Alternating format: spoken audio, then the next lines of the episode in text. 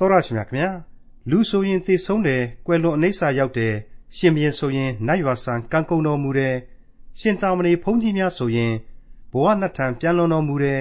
ဖျားဆိုရင်တော့ပြိဋိဘံစံတော်မူတယ်လို့သုံးကြပါတယ်ဒါပေမဲ့လူတွေကလူတွေဖြစ်ကြပြီမဲ့ယေရှုခရစ်တော်ကိုမိမိရဲ့ကယ်တင်ပိုင်ရှင်သခင်ဖျားအဖြစ်လက်ခံယုံကြည်ကိုးကွယ်ကြတဲ့ခရိယန်တွေကတော့ခရစ်တော်၌အိပ်ပျော်တယ်လို့သုံးကြပါတယ်ဒီလိုသိဆုံးသွားလို့ခရစ်တော်၌အိပ်ပျော်သွားတာဟာ ဘယ်တော့မှမနိုးတော့ဘူးတဲ့လားဒီကနေ့သင်သိရသောတမန်ကျမ်းအစီအစဉ်မှာ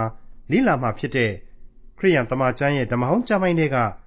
ရှောလမုန်သခင်အခန်းကြီး2အခန်းငယ်1ကနေအခန်းငယ်9အထိမှာသခင်ဤလက်ဝဲလက်သည်ငါကောင်းကို ထောက်မှလျက်လက်ရလက်သည်ငါကိုဖက်လျက်နေတော်မူပါစေလို့ချစ်ချင်းမြတ်တာကိုဖော်ကျူးဖွဲ့ဆိုထားပါတယ်။ကယ်တင်ရှင်ယေရှုခရစ်တော်ရဲ့ရင်ဝင်တော်ဟာ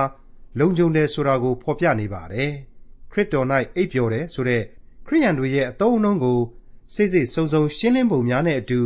ရှောလမုန်သခင်အခန်းကြီး2အခန်းငယ်1ကနေအခန်းငယ်9အထိကိုဒေါက်တာထွန်းမြတ်ရေးကအခုလိုလေ့လာဖော်ပြมาဖြစ်ပါတယ်။ကျမသည်ရှာရုံအရက်နှင်းစီပွင့်ကွင်းပြင်၌ပေါက်သောနှင်းပွင့်မျှတာဖြစ်ပါ၏။စူတော်ထဲမှနှင်းပွင့်ထင်တဲ့ကဲ့သို့ငါချစ်သောသူတို့သမီးသည် လူမျိုးစုထဲမှထင်ပေ၏သင်သိရသောတမန်ကျမ်းသင်ခန်းစာကိုလေ့လာနေသူသောတရှင်မိတ်ဆွေအပေါင်းတို့ခမညာမိတ်ဆွေတို့ကျွန်တော်တို့အတွက်ဒီကနေ့စတင်ဖွင့်လှစ်ပေးလိုက်တဲ့ကျမ်းချက်ကတော့ရှောလမုန်တည်ခြင်းအခန်းကြီး2ရဲ့အငယ်1နဲ့2တို့ပဲဖြစ်ပါလေကျမသည်ရှာရုံအရက်နှင်းစီပွင့်ကွင်းပြင်၌ပေါက်သောနှင်းပွင့်မျှတာဖြစ်ပါ၏စူတော်ထဲမှနှင်းပွင့်ထင်တဲ့ကဲ့သို့ငါချစ်သောသူတို့သမီးသည်လူမျိုးစုထဲမှထင်ပေ၏ ရှုလမိတ်သမီးပြိုကလေးကနေပြီးတော့ကျမဟာတဲ့ရှားတုံးအရက်မှာပွင့်တဲ့နှင်းစီပွင့်ကလေးဖြစ်တယ်လို့ကွင်းပြင်မှာပေါက်သောနှင်းပန်းတပွင့်နဲ့လေအလားတန်တူပါတယ်ဆိုတာကိုဖော်ပြပေးလိုက်ပါတယ်အဲ့ဒီအချိန်မှာပဲသူ့ချစ်သူရှောလမုန်မင်းကြီးကလည်းပဲရှုလမိတ်သမီးပြိုရဲ့အဆိုအတိုင်းလိုက်နင်းပြီးတော့ဟုတ်တယ်ငါချစ်သောသူတို့သမီးဟာစူတော်တဲကနှင်းပွင့်ကလေးထင်ရှားသလိုလူသားတွေကြားမှာထင်ရှားစွာလှပနေပါတယ်ဆိုတာကိုဖော်ပြချီးမွမ်းပေးလိုက်ခြင်းပဲဖြစ်ပါတယ် မိတ်ဆွေအပေါင်းတို့နှင်းစီပွင့်ဟာလူသားတို့အတွက်အလွန်မြတ်နိုးရတဲ့ပန်းပွင့်မျိုးဖြစ်ပါတယ်အထူးသဖြင့်အရှိတိုင်းနိုင်ငံဒီမှာတော့တော်ဝင်နှင်းစီပဲဖြစ်ပါတယ်တစ်ချိန်တည်းမှာအခုဖော်ပြနေတဲ့နှင်းစီဟာရှာရုံအရက်ကနှင်းစီဖြစ်တယ်ကွင်းပြင်ကျဲမှာအရိုင်းပန်းများအညံ့ပန်းများလို့ဆိုနိုင်တဲ့အညာတရနှင်းပန်းများနဲ့လေအဆင့်ချင်းတူတယ်ဆိုတာကိုဖော်ပြပေးလိုက်ပါတယ်ရှာရုံဆိုတဲ့အရက်ဒေသဟာ ဣသရေလနိုင်ငံတောင်တန်းကြီးဒေသကြီးတွေကနေစပြီးတော့မြေထဲပင်လယ်အထိကျယ်ပြန့်တဲ့ဒေသကြီးတစ်ခုဖြစ်သလိုအခုနှင်းပန်းတို့ပေါက်တဲ့ကွင်းပြင်ကျဲဆိုတာဟာလေဂါလိလဲပင်လယ်ဝန်းကျင်ကနေပြီးတော့ဂျော်ဒန်ဒေသလွင်ပြင်စီအထိအကျုံးဝင်တဲ့အလွန်ကျယ်ပြန့်တဲ့ဂျိုင်ဟွမ်ဒေသကြီးတစ်ခုဖြစ်တယ်လို့ဆိုပါတယ်မိတ်ဆွေအပေါင်းတို့အဲ့ဒီလောက်အထိကျယ်ဝန်းလှတဲ့ဒေသကြီးအတွင်းမှာမှနှင်းစီနဲ့နှင်းပန်းတို့ဟာသဘာဝအလျောက်လှပတင့်တယ်စွာပေါက်ရောက်နေကြပါတယ်ပွင့်လန်းနေကြပါတယ်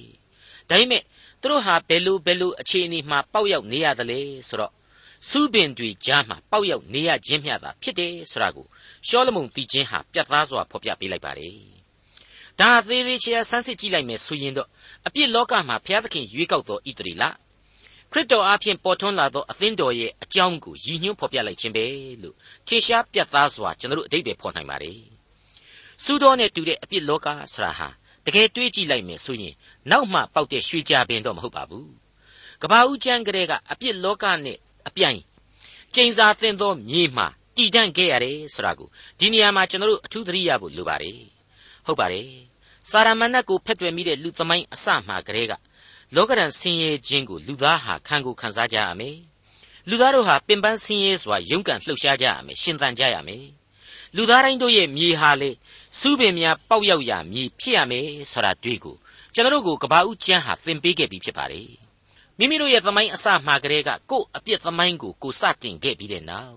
အပြစ်အလျောက်ကြိမ်ဆိုခြင်းကိုခံခဲ့ရတဲ့လူသားများသာဖြစ်တယ်ဆိုတာကိုကျွန်တော်ကိုကိုကိုသိနာလေထားဖို့အထူးပဲလိုအပ်လာပါတယ်ကပောက်ကျမ်းအခန်းကြီး3အငယ်14မှ16မှာအခုလိုဖော်ပြထားတာကိုတွေ့နိုင်ပါတယ်ထာဝရအရှင်ဘုရားသခင်သည်မွေကိုခေါ်၍ သင်သည်ဤအမှုကိုပြုသောကြောင့်သားရင်သားရဲ့အပေါင်းတို့တဲ့ကြိမ်ချင်းကိုခံရ၏သင်သည်ဝန်းဖြင့်သွား၍မြေမှုန့်ကိုတစ်သက်လုံးစားရမည်သင်နှင့်မိမကို၎င်းသင်၏အမျိုးအနွယ်နှင့်မိမ၏အမျိုးအနွယ်ကို၎င်းငါသည်ရန်ညှိုးဖွဲ့စေမည်သူသည်သင်၏ခေါင်းကိုကြိတ်လိမ့်မည်သင်သည်သူ၏ဖနှောင့်ကိုကြိတ်လိမ့်မည်ဟုမိန့်တော်မူ၏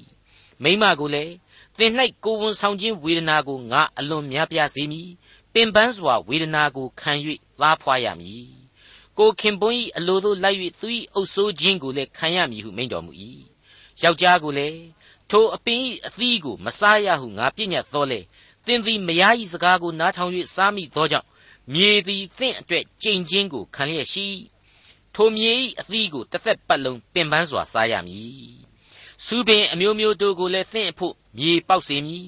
လယ်၌ဖြစ်သောဟင်းသီးဟင်းရွက်တို့ကိုသင်စားရမည် သင်ထွက်ရာမြေသို့မပြတ်မီတိုင်အောင်သင်၏မျက်နှာမှချွေးထွက်လျက်အစာကိုစားရမည်အကြောင်းမူကားသင်သည်မြေမှုန့်ဖြစ်၍မြေမှုန့်သို့ပြန်ရမည်ဟုမိန့်တော်မူ၏မိတ်ဆွေအပေါင်းတို့အခုဆိုရင်အဲ့ဒီလိုကျိန်စာသင့်သောမြေသားရဲ့ဘဝလောကရန်စူတော်ကြီးအတွင်မှာနှင်းစီသို့မဟုတ်နှင်းပန်းလို့တင့်တင့်တဲတဲယူဆရတဲ့ပန်းပွင့်ကလေးတွေဟာခေါင်းထောင်လာခဲ့ရတယ်တော်ဝင်နှင်းပန်းတော်ဝင်နှင်းစီများဖြစ်လာကြရတယ်အဲ့ဒီလို နှင်းစီနဲ့သို့မဟုတ်နှင်းပန်းနဲ့တူပါတယ်ဆိုတဲ့ရှုလမိတ်မိန်းကလေးလိုပဲကျွန်တော်ယုံကြည်သူအပေါင်းတို့ဟာလေရွေးကောက်ခြင်းနဲ့ကယ်တင်ခြင်းကျေးဇူးကိုဆုတော်ကြားထဲမှာခံရတယ်လို့ကျွန်တော်ဆိုချင်ပါတယ်ဒါဟာကျေးဇူးနဲ့ဂရုဏာတော်တက်တက်ကြောင့်ခံစားရတဲ့ဆုမင်္ဂလာဖြစ်ပါတယ်ဖျားသခင်ဤထုံမှန်းခြင်းဖြစ်ပါတယ်တစ်ချိန်တည်းမှာရှုလမိတ်သမီးပြိုရဲ့နှင်းပန်းကလေးပမာရှင်သန်ရအရလို့ဖော်ပြထားတဲ့ဆုတော်နဲ့တူညီတဲ့လူလောကကိုကယ်တင်ရှင်သခင်ခရစ်တော်ဟာဆင်းသက်ကြွလာပြီးတော့ အပြစ်သားများအတွက်အသွေးတော်ကိုစွန့်ခဲ့တယ်။ကားတိုင်းတော်ပေါ်မှာအသေးခံပေးခဲ့တယ်ဆိုတာကိုအောက်မေ့ဖို့အထူးပဲလိုအပ်လာပါတယ်။အဲဒီလိုကယ်တင်ရှင်သခင်ခရစ်တော်ကိုတော်တိုင်ဟာလူသားရဲ့ဘဝရုပ်လွှာကိုခံယူစဉ်အချိန်မှလေသခင်ဟာရှာရုံနှင်းစီလိုကွင်းပြင်အလဲကနှင်းပန်းလိုပဲစူးတော်ထဲမှာရက်တီခဲ့သေးတယ်ဆိုတဲ့အချက်ကိုမမေ့ဖို့အထူးပဲဒီနေရာမှာအရေးကြီးပါတယ်။တောလွင်ပြင်ကျဲမှာစုတွေရှိတယ်။ အဲ့ဒီတဲကမှနှင်းပန်းကလေးတွေဟာဘလောက်ထိလှပတယ်ဆိုတာကိုကယ်တင်ရှင်သခင်ခရစ်တော်ကိုတော်တိုင်ဟာအခုလိုဖော်ပြခဲ့ပါသေးတယ်။ရှင်မသက်ခရစ်ဝင်ကျမ်းအခန်းကြီး6အငယ်28မှ24ကိုကြည့်မယ်ဆိုရင်အဲ့ဒီအချက်ကိုရှင်းလင်းပြသစွာတွေ့ရပါလိမ့်မယ်။အဝတ်အဖို့၌အဘယ်ကြောင့်စိုးရင်ရသနည်း။တောနှင်းပန်းတို့သည်အဘယ်သို့သောအဖြစ်ကြီးပွားသည်ကိုဆင်ခြင်အောင်မိကြလော့။ထိုအပင်တို့သည်အလုတ်လည်းမလုတ်ချီဖြစ်စေခြင်းဟာမငင်မဝင်းသို့တော်လည်းဘုံကြီးသောရှောလမုန်မင်းကြီး၏အဝတ်သည် ထိုအပင်တပင်မြ၏အဝတ်ကိုမမှီဟုငါဆို၏ယုံကြည်အားနည်းသောသူတို့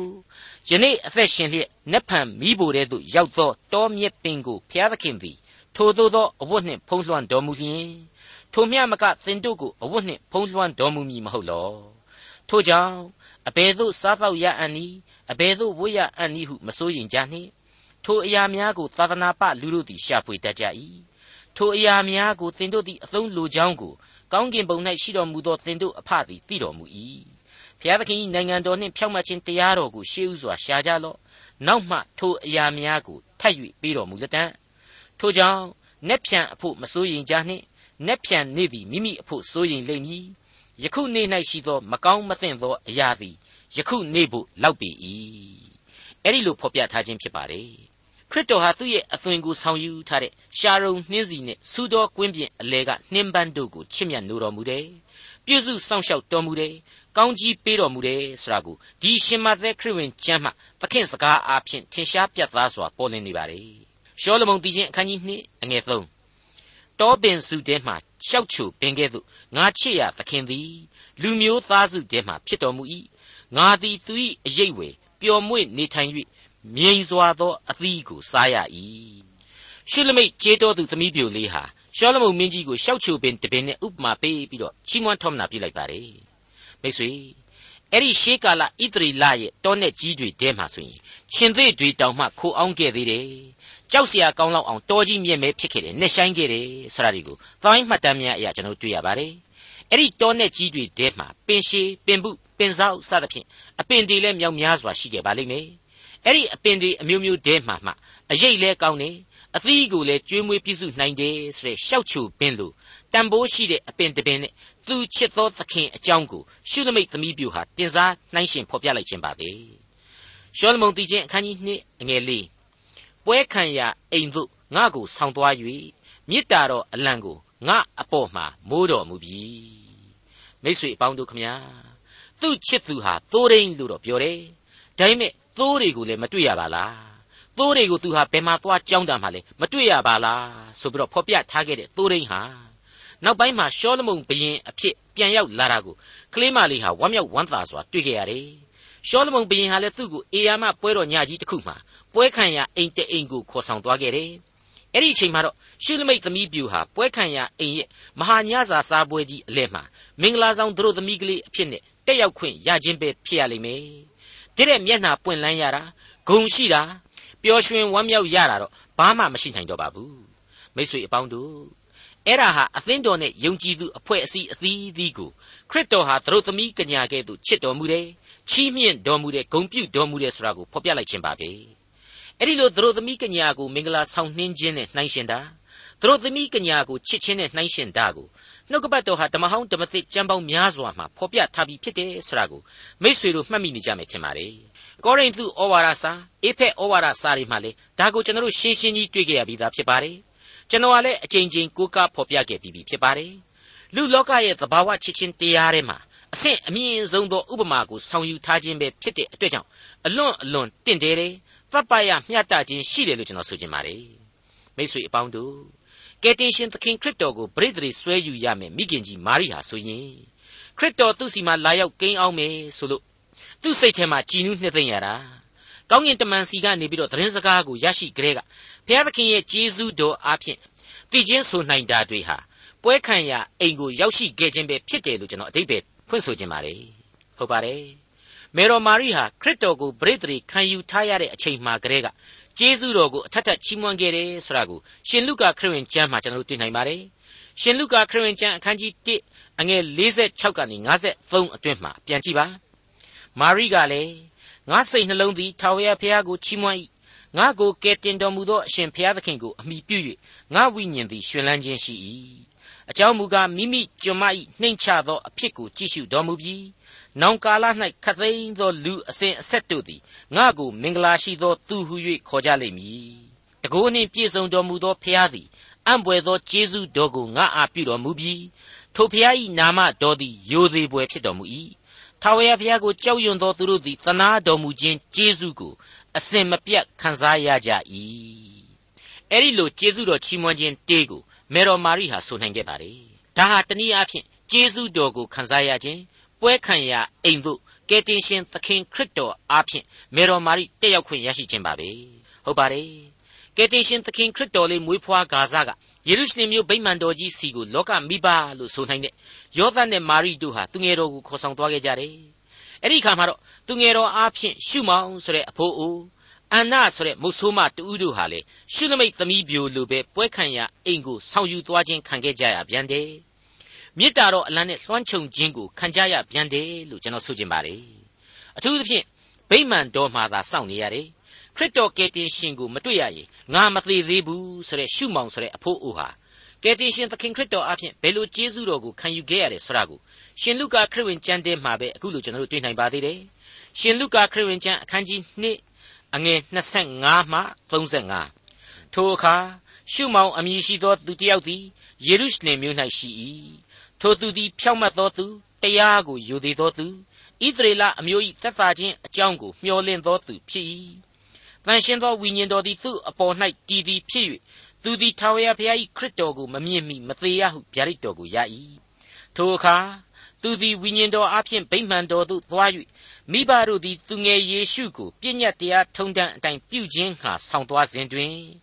ရှုမောင်သည်ယေရှုကိုလက်နှင့်ပိုက်၍ ဘုရားသခင်၏ကျေးဇူးတော်ကိုချီးမွမ်းလျက်အစိုးရတော်မူသောအရှင်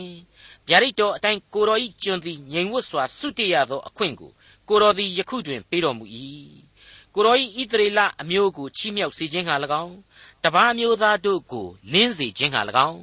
လူအမျိုးမျိုးတို့ရှေ့မှောက်၌ပြင်ဆင်တော်မူသောအလင်းဒီဟုသောကဲတင်သောသခင်ကိုအကျွန်ုပ်သည်ကိုမျက်စိနှင့်မြင်ရပါ၏ဟုမွဲ့ဆို၏ ထိုစကားများကိုယောသတ်နှင့်မေတော်သည်ကြားလျင်အံ့ဩခြင်းရှိကြ၏ရှုမောင်သည်လည်းသူတို့ကိုကောင်းကြီးပေး၍မေတော်မာရိအားဤသူငယ်ကားဣသရေလလူအများလဲမည်အကြောင်းအများထမည်အကြောင်းလူအများတို့၏အကြံအစီကိုထင်ရှားစေခြင်းဟာညင်းခုန်စရာဖြစ်မည်အကြောင်းခံထားသောသူဖြစ်၏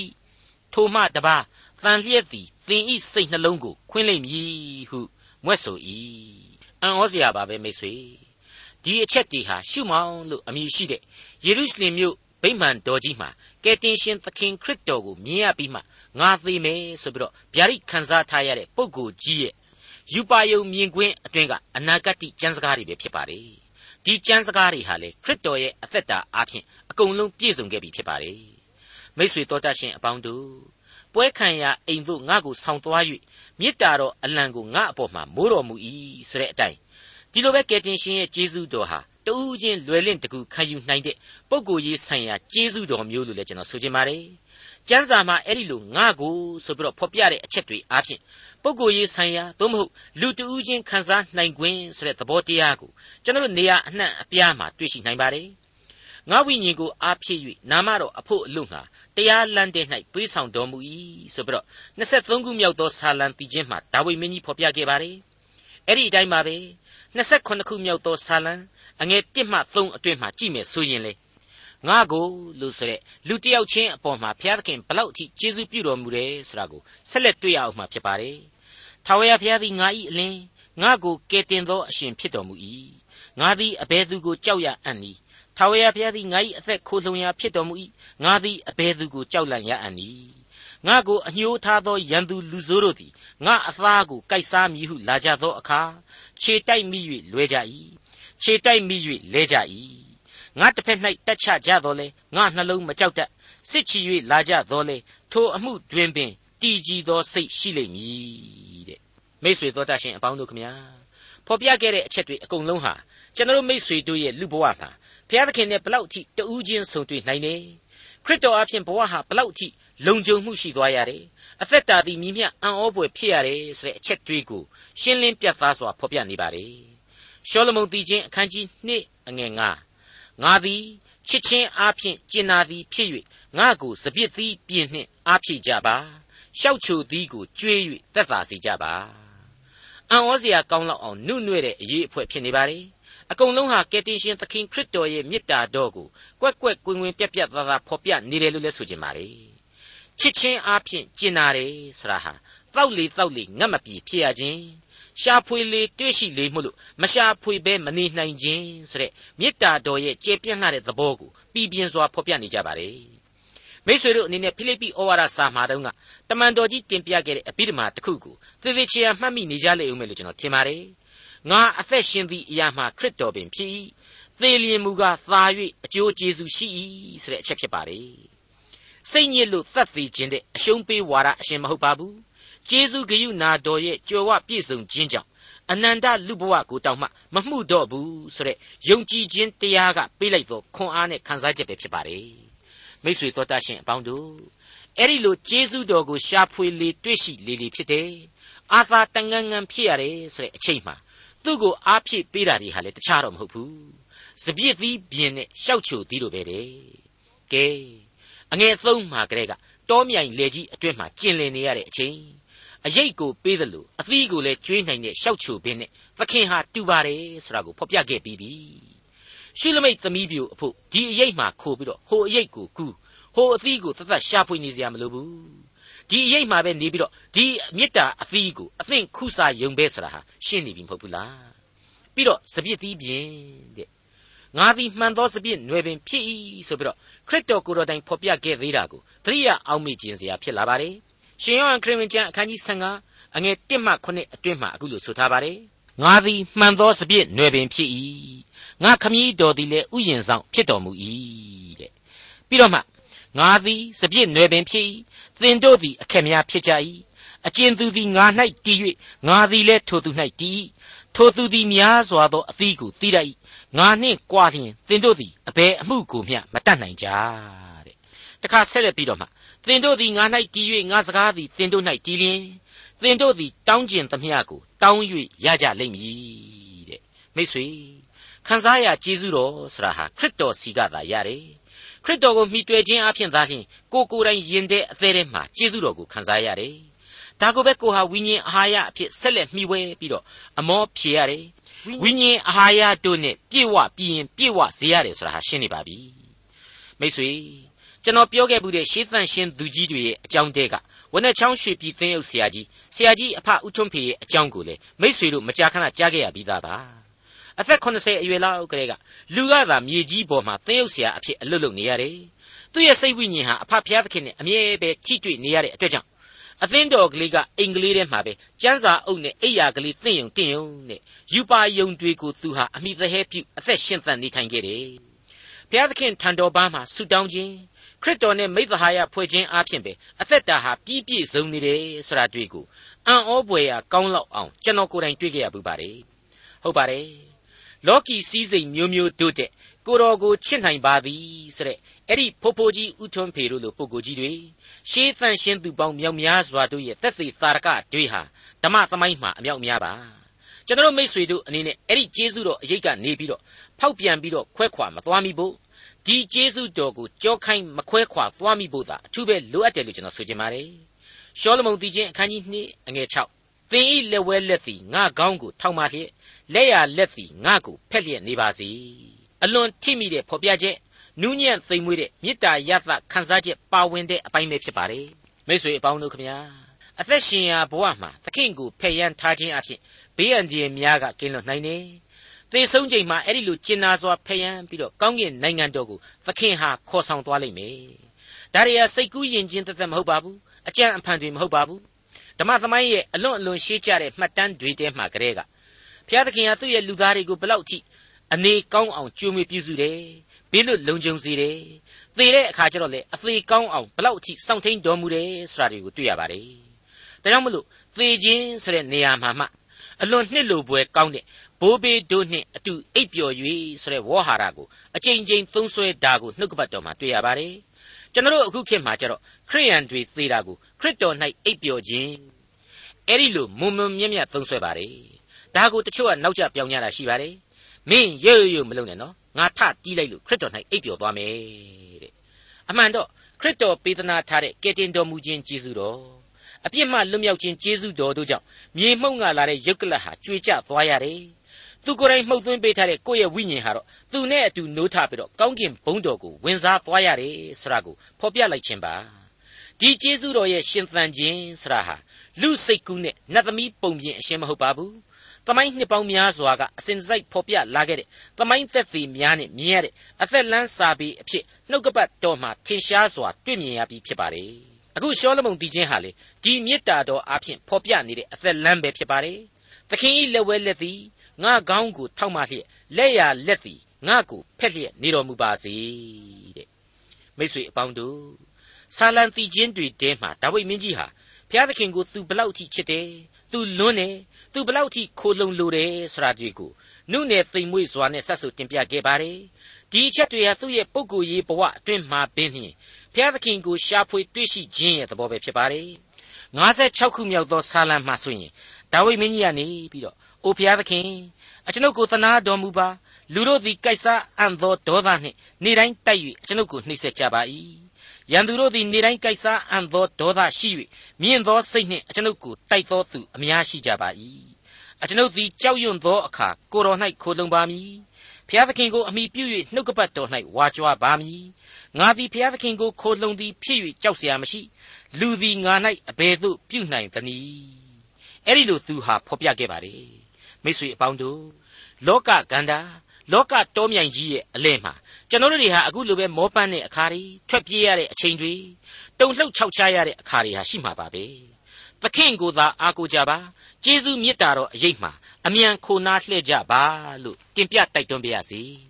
ရှောလမုန်တည်ခြင်းအခန်းကြီး2အငယ်9ယေရုရှလင်မြို့သမီးတို့ငါချစ်သောသူတို့သမီးသည်အလိုလိုမနှိုးမီတိုင်အောင်မလှုပ်မနှိုးမီအကြောင်း တော၌ကျင်လေသောသမင်တရေများကိုတိုင်တယ်၍သင်တို့ကိုငါမှားထား၏